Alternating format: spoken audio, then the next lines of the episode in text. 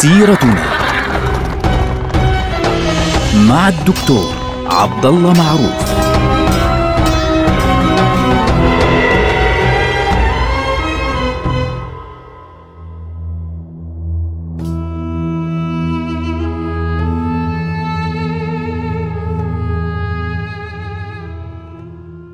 السلام عليكم ورحمة الله وبركاته. سيرتنا سيرة هذه الأمة ونحن الآن في بداية عهد الضعف الأموي الذي تمثل بوضوح في خلافة المتوكل. خلافة المتوكل كان الناس راضين عنه كانوا. كان محبوب لأنه الرجل أحبه الناس لأنه يعني نصر السنة وأعان أهل الحديث وأكرمهم وصنفت في زمنه كتب الحديث الصحيحة مثل صحيح البخاري وصحيح مسلم وغيره وبالتالي كان الناس يحبونه ولكن على الطراز على النطاق الداخلي كانت عنده مشاكله الكبيرة مع الجيش. في ذلك الوقت وسيؤدي هذا إلى مشاكل كبيرة جدا بين خليفته المنتصر الذي تآمر على أبيه مع الجيش. المنتصر تآمر على أبيه مع الجيش لأنه أبوه كان يريد أن يزيله من آه آه من ولاية العهد. وكان قد قرر أنه ولاية العهد تروح لابنه الثاني وفي البداية رفض المنتصر رفض فوالده المتوكل صار يقلل من قيمته وقدره أمام الناس ويشتد عليه فعليا أمام الخلق. هذا الأمر سيؤدي لاحقا إلى إيه؟ إلى مشاكل كبيرة جدا بين الوالد والولد أدت في النهاية إلى انه الولد تحالف مع الجيش ضد والده اللي هو الخليفة المتوكل واقدموا خمسه من من الجيش على قتل الوالد اللي هو المتوكل مع وزيره الفتح بن خاقان في ليلة واحدة وبالتالي صار الأمر بالنسبة للمسلمين الآن فوضى حقيقة. فالمنتصر استلم الحكم. طبعا المنتصر إحنا بنحكي واحد استلم الحكم بإيه؟ بإنه يعني قتل والده أو تآمر على قتل والده. لكن في المقابل في المقابل كان الرجل يعني الناس يعني يرون فيه إنه والله ممكن الرجل يكون في شيء يعني طيب. يعني المنتصر اللي هو يعني هاجم والده ويعني تسبب في قتل والده هذه مشكلة كبيرة. ولكن في نفس الوقت كان المنتصر يحاول إنه يعني يظهر أمام الناس صورته اللي هي بتخفف على الناس. فعلى سبيل المثال كان يصل العلويين اللي هم أولاد عمه اللي هم الطالبيين وأزال عنهم ما كانوا يعانونه فعليا في زمن الذين سبقوه. فبالتالي كان الأمر بالنسبة للناس ها في ها بيحاول أن يصلح إن صح التعبير. طبعا بعد قتل أبيه بويع له. فأول شيء عمله إيش هو؟ خلع أخويه المعتز والمؤيد. أصلا كل المشكلة اللي كانت بينه وبين والده المتوكل كانت بسبب أخيه المعتز. فخلعهم الاثنين. وبدأ يظهر للناس العدل والإنصاف فالناس أحبوا مع أنه يعني بداية حكمه كانت فيها مشاكل. ولما تولى الحكم صار يعني بيحاول إنه يعني يعمل حاله إن صح التعبير شاطر بين قوسين.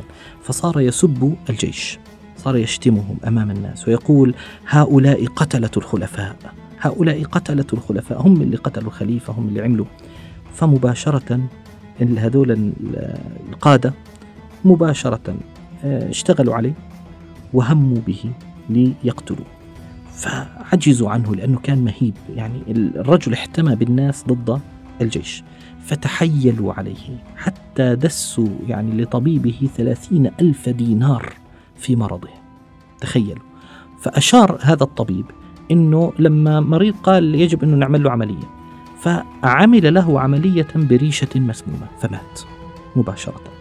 فلما مات الرجل طبعا بعضهم بيقول لا مات بعلة أخرى بالربو أو غيره لكنه مات في النهاية. فتآمر عليه الجيش مرة أخرى ومات. سبحان الله العظيم إخواننا هذا فيه تعليم لدرس. يعني تآمر على أبيه مع الجيش فقتل أبوه. في النهاية تآمر عليه الجيش وتخلص منه تماما ونصبوا مكانه أحمد ابن محمد ابن المعتصم اللي هو الخليفة المستعين.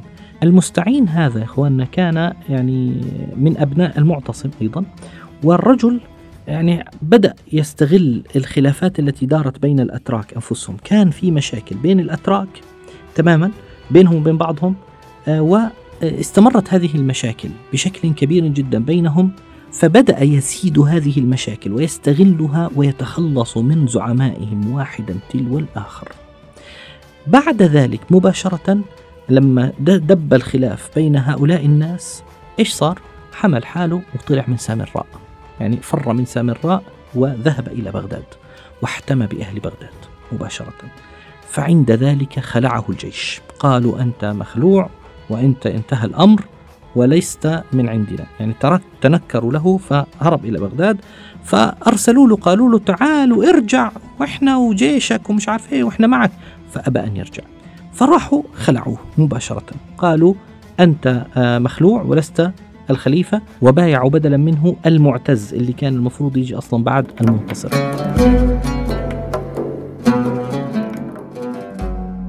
فهذا الأمر يعني تسبب في نشوب حرب طويلة شديدة جدا بين الطرفين في بغداد بين قوات المعتز اللي هي مع الترك وقوات المستعين اللي هي مع أهل بغداد. فكانت بغداد مسرح لهذه الأحداث. في النهاية في النهاية تمكن الترك من التخلص من خلافاتهم اللي هم الجيش تخلصوا من خلافاتهم واجتمعوا معا مباشرة وانحل أمر المستعين فصاروا يس يعني يحاولوا يحلوا المشاكل بينهم وبين بعض خاصة أنه أمير بغداد اللي هو عبد الله بن طاهر يعني انفض عن المستعين فقال يا عمي خلص هذا الرجل تعبنا وهذا جيش إحنا لسنا قادرين على هذا الجيش. وبالتالي تخلى عنه فعليا ونجح الجيش في ذلك الوقت في التخلص من المستعين.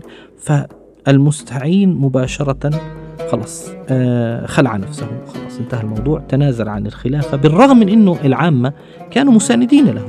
يعني كانوا مساندين له.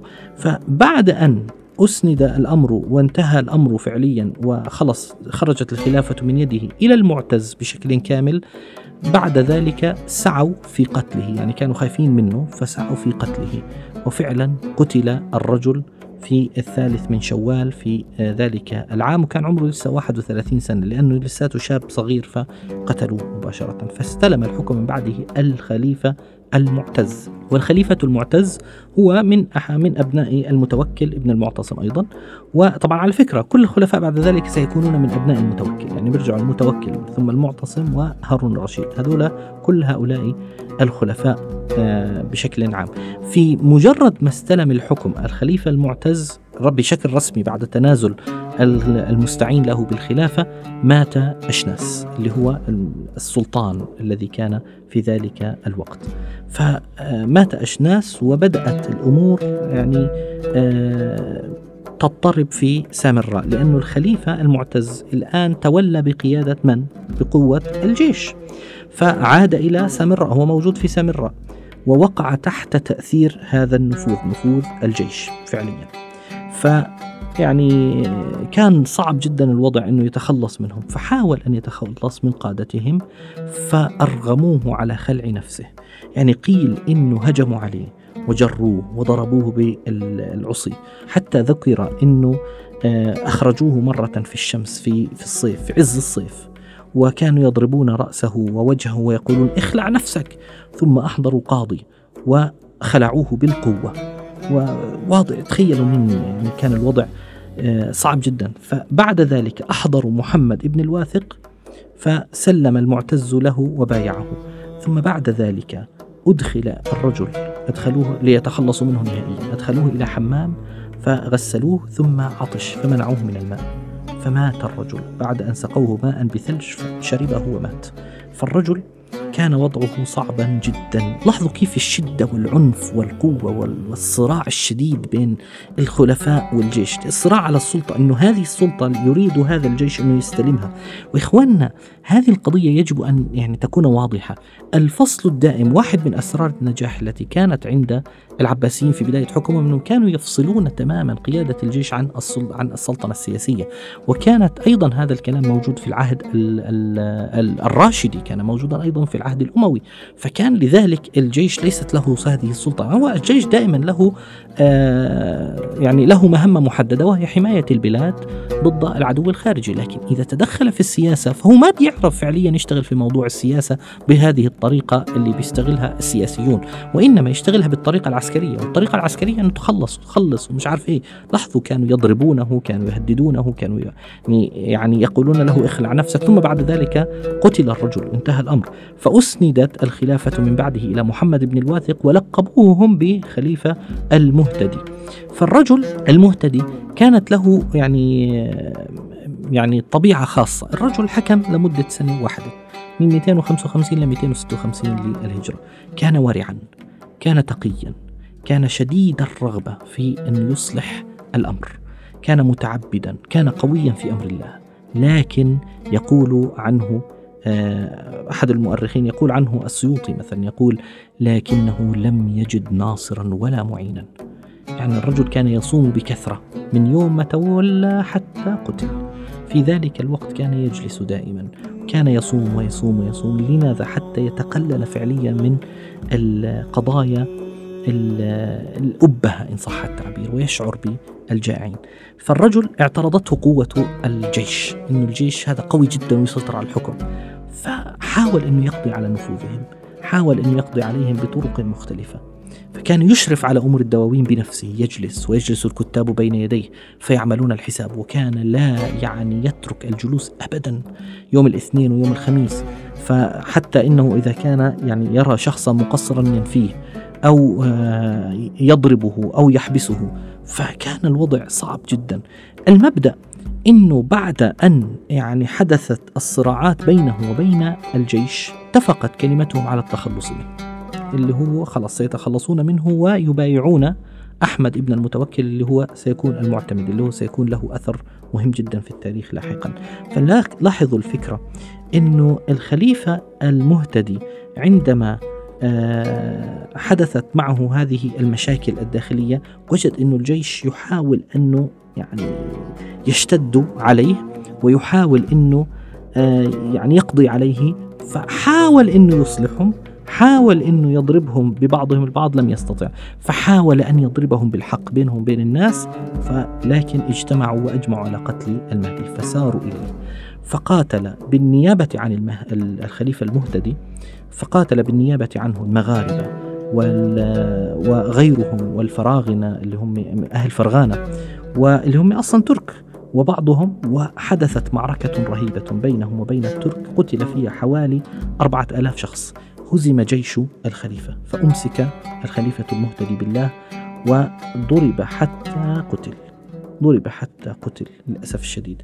فلما يعني يوم ما قامت عليه يعني قام عليه الجيش وثار عليه الجيش ثار العوام. يعني وكتبوا رقاعا وألقوها في المساجد يقولون يا معشر المسلمين ادعوا الله لخليفتكم العدل الرضا المضاهي لعمر بن عبد العزيز أن ينصره الله على عدوه. لكن للأسف لم يتمكن لأن جيشه قد هزم. وقتل. فاتفقت كلمة الجيش على تولية رجل اسمه أحمد ابن المتوكل اللي هو مين؟ المعتمد. المعتمد سيبدأ مرحلة جديدة. مرحلة مر... هي مرحلة مؤقتة. اسمها صحوة الخلفاء. هذه المرحلة عنوانها ثلاثة المعتمد والمعتضد ثم بعد ذلك المكتفي. خاصة المعتمد والمعتضد بالذات. هؤلاء سيكون لهم أثر مهم جدا على عودة هيبة الخلافة لاحقا. نلقاكم على خير. والسلام عليكم ورحمة الله وبركاته.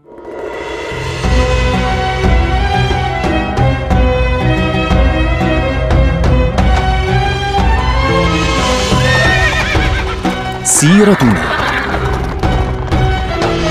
مع الدكتور عبد الله معروف.